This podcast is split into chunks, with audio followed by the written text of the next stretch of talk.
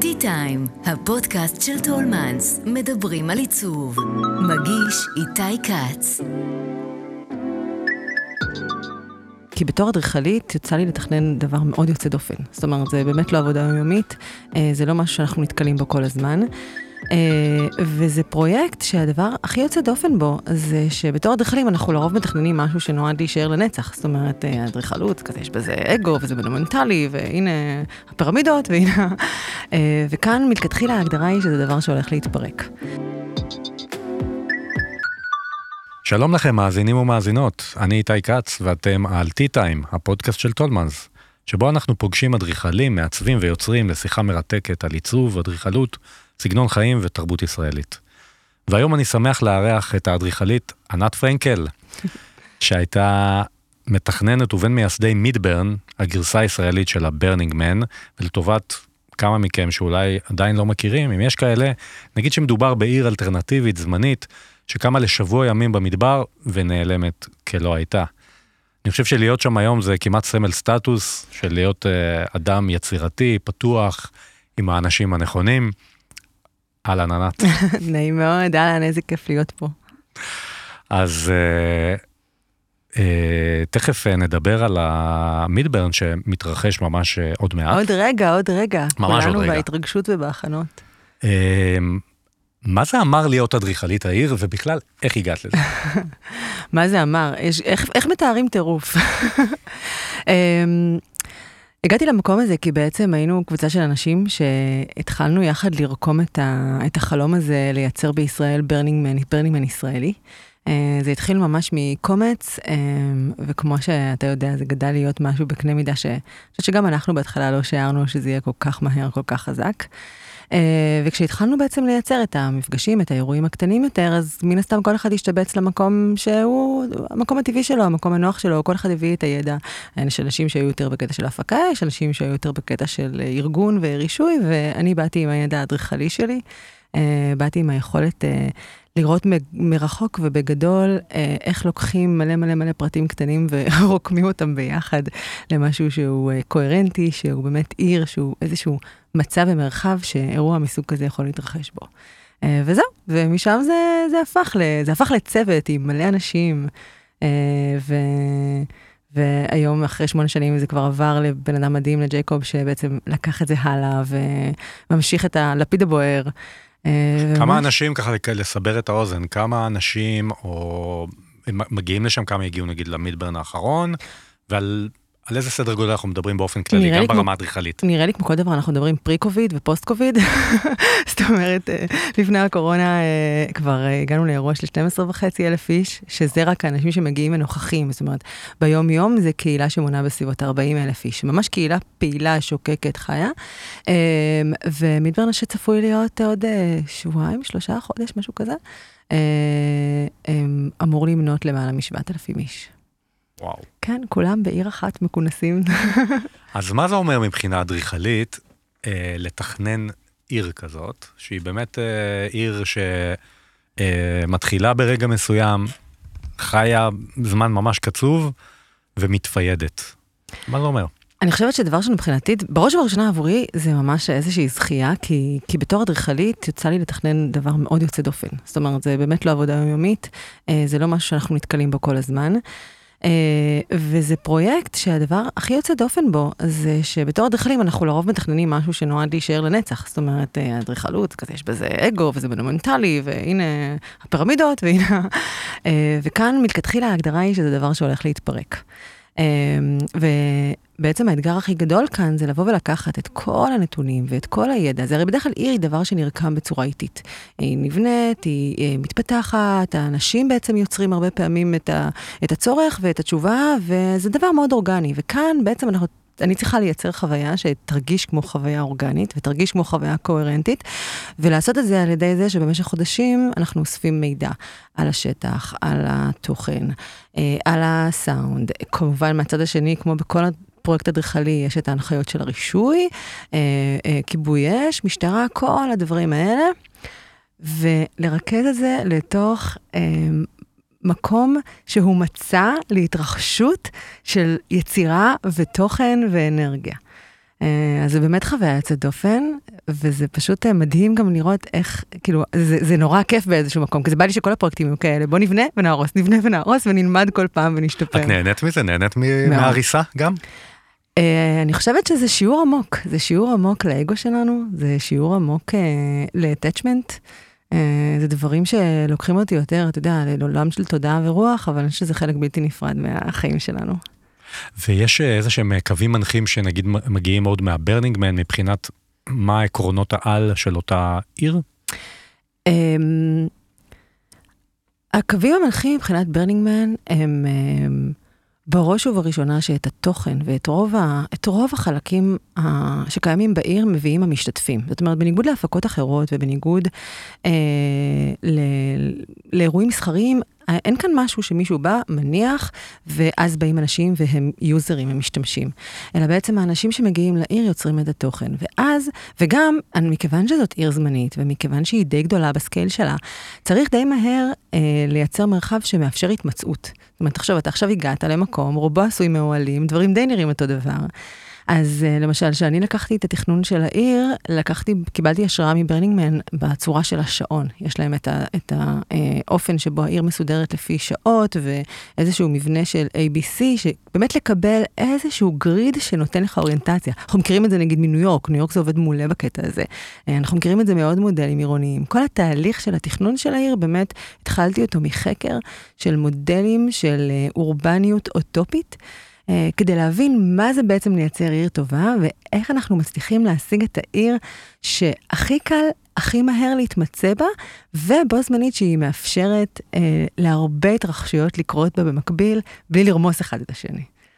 אה, ויש גם דמיון לעיר במובן הזה שיש דברים שהם ציבוריים ומשותפים לכולם, או שבקטע הזה זה לא, זה לא עיר שאנחנו מכירים? זה, זה נורא מעניין, כי זה בעצם העיר הכי קהילתית בארץ. הפסיליטיז הציבוריים, נגיד המרפאה של מידברן, אה, כל מה שקשור לנוודים, שזה כמו של, נגיד, אם נקביל את זה, זה משמר אזרחי למשל. אה, אלה בעצם דברים ששוב, לא באים מלמעלה, הם לא באים מהפקה, הם באים מתוך הקהילה.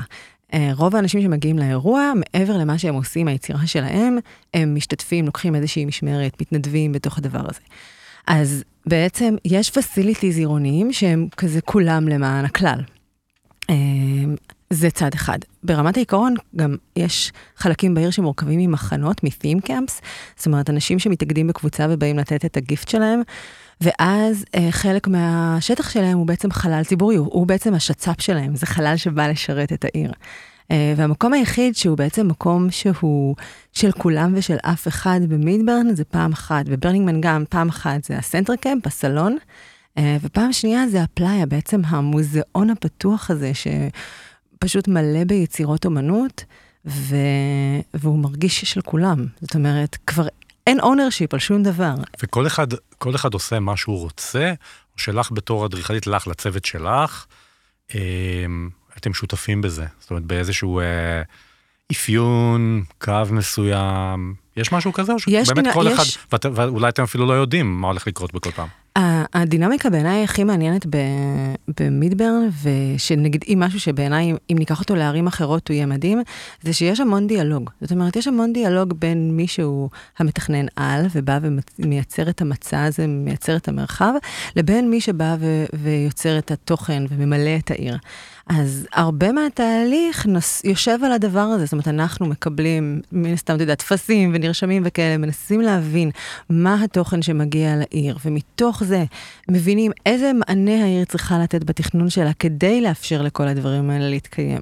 ומצד שני, מי שבא ומייצר ועושה, הוא לא לבד בעולם, אז הוא מבין שיש עיר בקנה מידה מסוים או במרחב מסוים, אז גם הוא צריך לבוא ולתת את ההתחשבות. זאת אומרת, הדיאלוג הזה, המשחק הזה, הוא באמת מייצר תכנון שכולם מרגישים שותפים לו, כולם מרגישים שזה שלהם. זאת אומרת, זה לא שאני אדריכלית ואתה עכשיו חי במה שאני יצרתי, אלא זה תהליך יצירה משותף. אה, אני חושבת שזה גם מה שנותן חיבור כל כך עמוק אה, לחוויה הזאת ולאירוע הזאת. כולם מרגישים שזה שלהם.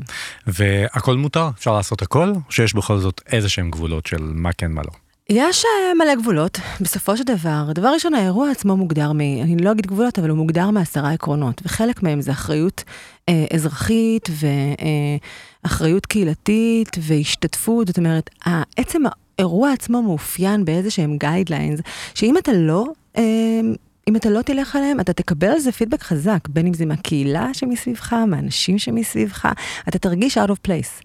אה, מעבר לזה שאתה יודע, האירוע הזה נמצא במדינת ישראל, אה, הוא אירוע כפוף לחוקים ולכל מה שנגזר מזה, ואני חושבת ששוב, המקום של הדיאלוג, המקום הזה של, uh, גם אם אני בביטוי עצמי, שזה אחד העקרונות של מידברן, אבל uh, אני לא יכול לפגוע באף אחד אחר.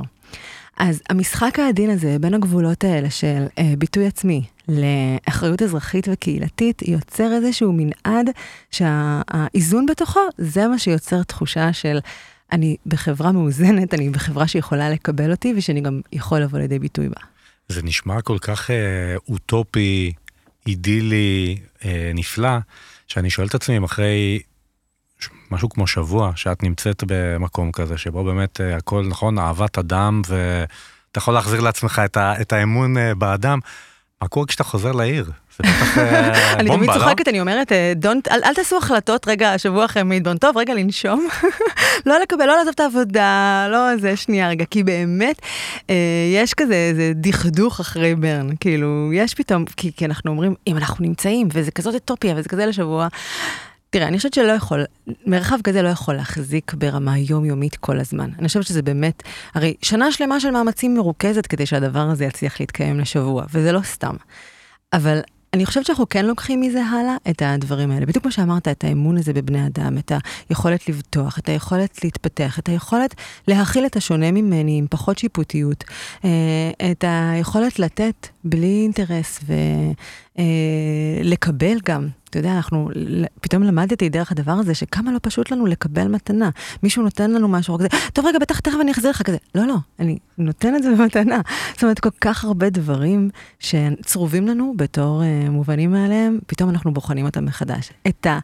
הידיעה הזאת אנחנו לוקחים איתנו לחיים. הילדים שלי ברור להם שלא להשאיר זכר של leave no trace זה דבר בסיסי. בעולם הזה אין מצב שנקום מאיזה פארק או פיקניק או ים. שזה העניין הסביבתי בעצם. כן, בדיוק. זאת אומרת... שלא להשאיר זכר לא לאירוע כש... זכר, לי, לא להשאיר זכר, זאת אומרת, זה, מה זה לא להשאיר זכר? זה בעצם לקחת אחריות על מה שאני מייצרת, לקחת אחריות על הסביבה אה, אה, שלי, גם ברמה פיזית, גם ברמה של, אתה יודע, השפעה תרבותית וקהילתית.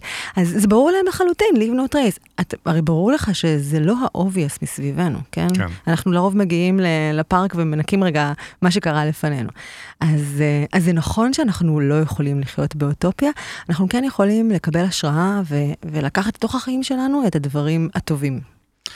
וכשאת חוזרת לעיר מלבד העניין הזה של לרדת רגע מהענן ולא לקבל שום החלטות אה, חשובות כשיורדים מה, מהענן הזה, אז כאדריכלית, וגם כמישהי שיש לה כאן נגיעה לתכנון עירוני, לא כאילו אמיתי, אבל זה עבר לך בראש פעם, וואו, הלוואי שכן בעיר האמיתית היינו גם עושים איזה משהו כזה.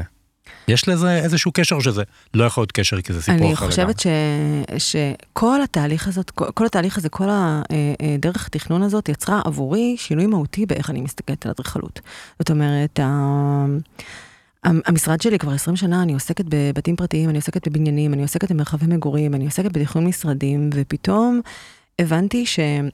כמו שמידברן היא מרחב פיזי שמשלב בתוכו הרבה עקרונות ודברים מן הרוח, גם החיים שלנו לא יכולים להיות מנותקים.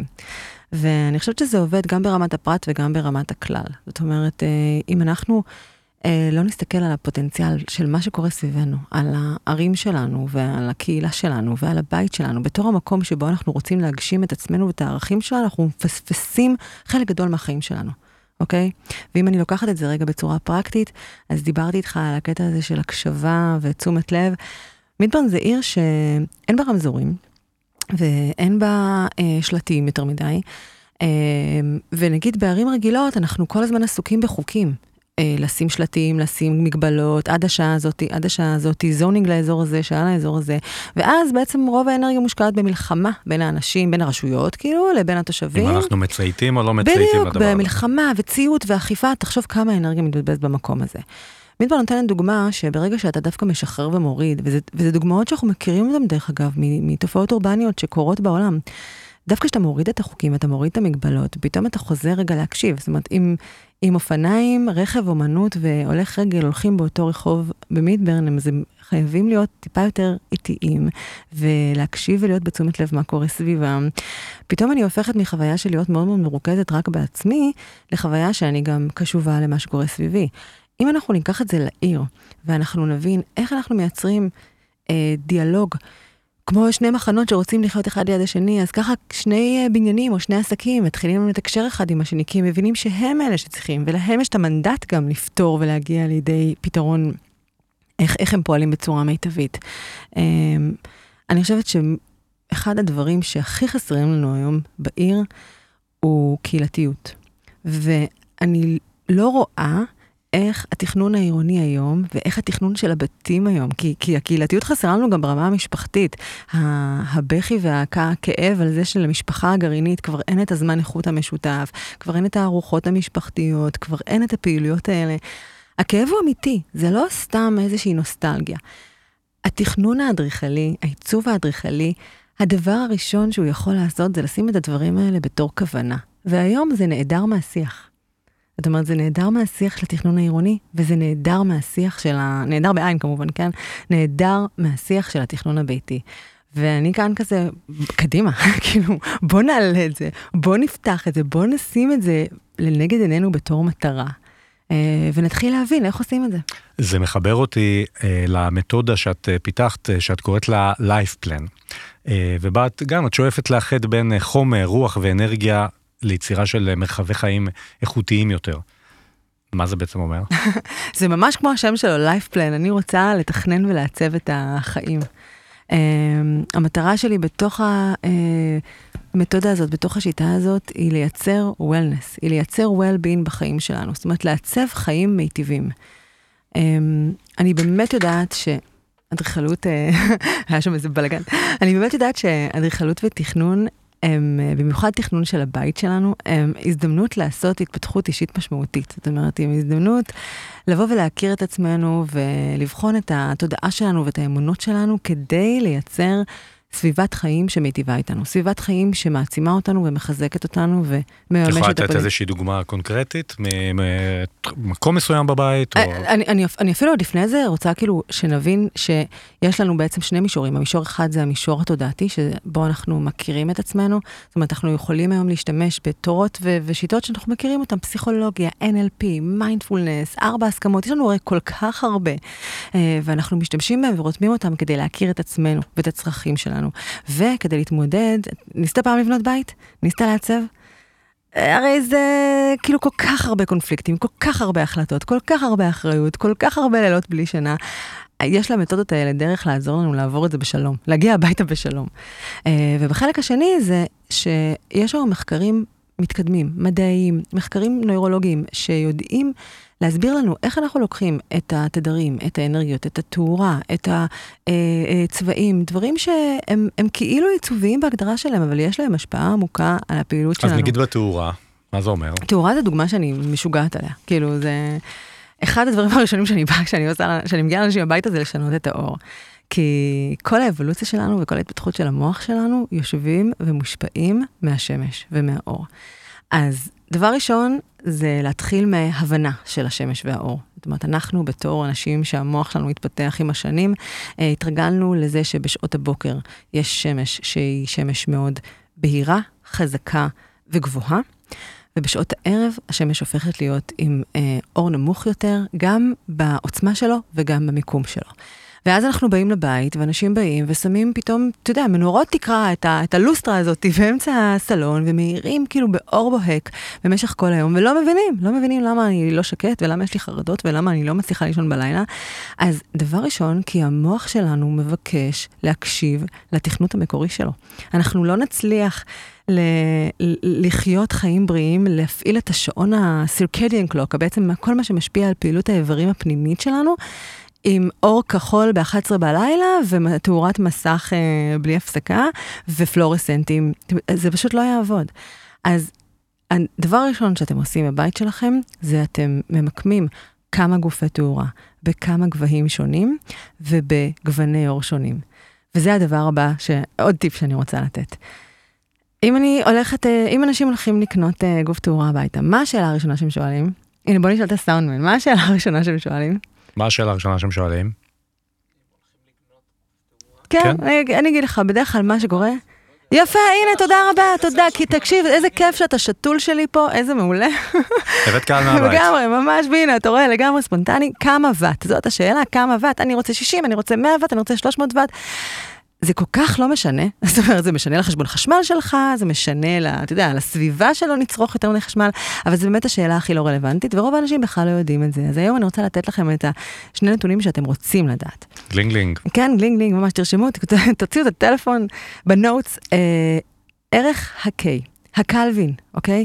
שבעצם מציין את הגוון של האור, שזה למעשה הטמפרטורה של האור. נכון, אנחנו מדברים בלבן חם, לבן קר, מה שבעצם מדברים זה בערכים של קלווין, שככל שאנחנו עולים בהם, ערך ה-K עולה, זאת אומרת, 6,000K זה כשאתם בונים מפעל מחסן, ו-4,000K זה שאתם מאירים את הרחוב, ו-3,000K זה מה שאתם רוצים באזור של המטבח שלכם. 2,700K זה מה שאתם רוצים בפינת, אה, אה, שאתם יושבים ככה ברוגע, בנעימות בסלון. תתחילו לבדוק את הערכים של ה-K של המנורות שלכם, ולא את הוואטים שלהם. אוקיי? זה מה שיקבע את הגוון, והגוון הזה משפיע מאוד על האווירה, והוא משפיע, כמו שאמרתי קודם, על גלי המוח שלנו, על פעילות המוח שלנו. הדבר השני זה הלומינים, LM, גם כן, זה מדבר על העוצמה של האור. אם האור לבן יותר או צהוב יותר, זה לא אומר שהוא אור חזק יותר או חלש יותר. אז ברגע שיש לכם את שני ה... האלמנטים האלה, את שני הנתונים האמפיריים האלה, אתם יכולים להתחיל לשחק ולתכנן את הבית שלכם לגוונים נעימים, לעוצמות נכונות, לשחק איתם במהלך היום. אם אתם רוצים בשעות הבוקר לשבת ולעבוד, לכו על הקיי הגבוה. אל תפחדו מאור כחול. נכון כזה נורא הבהילו אותנו תמיד, אור כחול, אור כחול. לא, אור כחול זה מעולה. לשמש יש גוונים של אור כחול, ב-12 בצהריים. פשוט תתחילו ללמוד. be informed. ברגע שיש לנו ידע, זה נותן לנו אפשרות מדהימה לקחת את האחריות על האיכות חיים שלנו. אחלה טיפים, וזה רק בתאורה. אני רוצה לשאול אותך, איפה את רואה את עצמך, נגיד, בעוד עשר שנים? אמ, דבר ראשון, אני רואה את כולם איתי, ולהבין כמה פוטנציאל ולממש אותו. אה, אני למדתי, אם יש משהו שניסיון, ממרום גילי, אם יש משהו שניסיון החיים אה, הביא אותי, זה לשחרר, זה לחיות את הרגע. באמת, אני בענווה, כאילו ללכת את הדרך. האדם, אה, אתה יודע, האדם מתכנן תוכניות, אלוהים צוחק. אני, אני באמת... תעזבו אותי משאלות על עוד עשר שנים, בוא נדבר על כאן ועכשיו. לא, כן, בדיוק, כאן ועכשיו. אם לא היית אדריכלית, מה את חושבת שהיית? אה, גם היום אני פרפורמרית, אני מאוד אוהבת את זה. זה כיף. שמנו לב. אה, את רוצה להשלים את המשפט? יש לי הזכות, ליצור. מאה אחוז. לאהוב וליצור.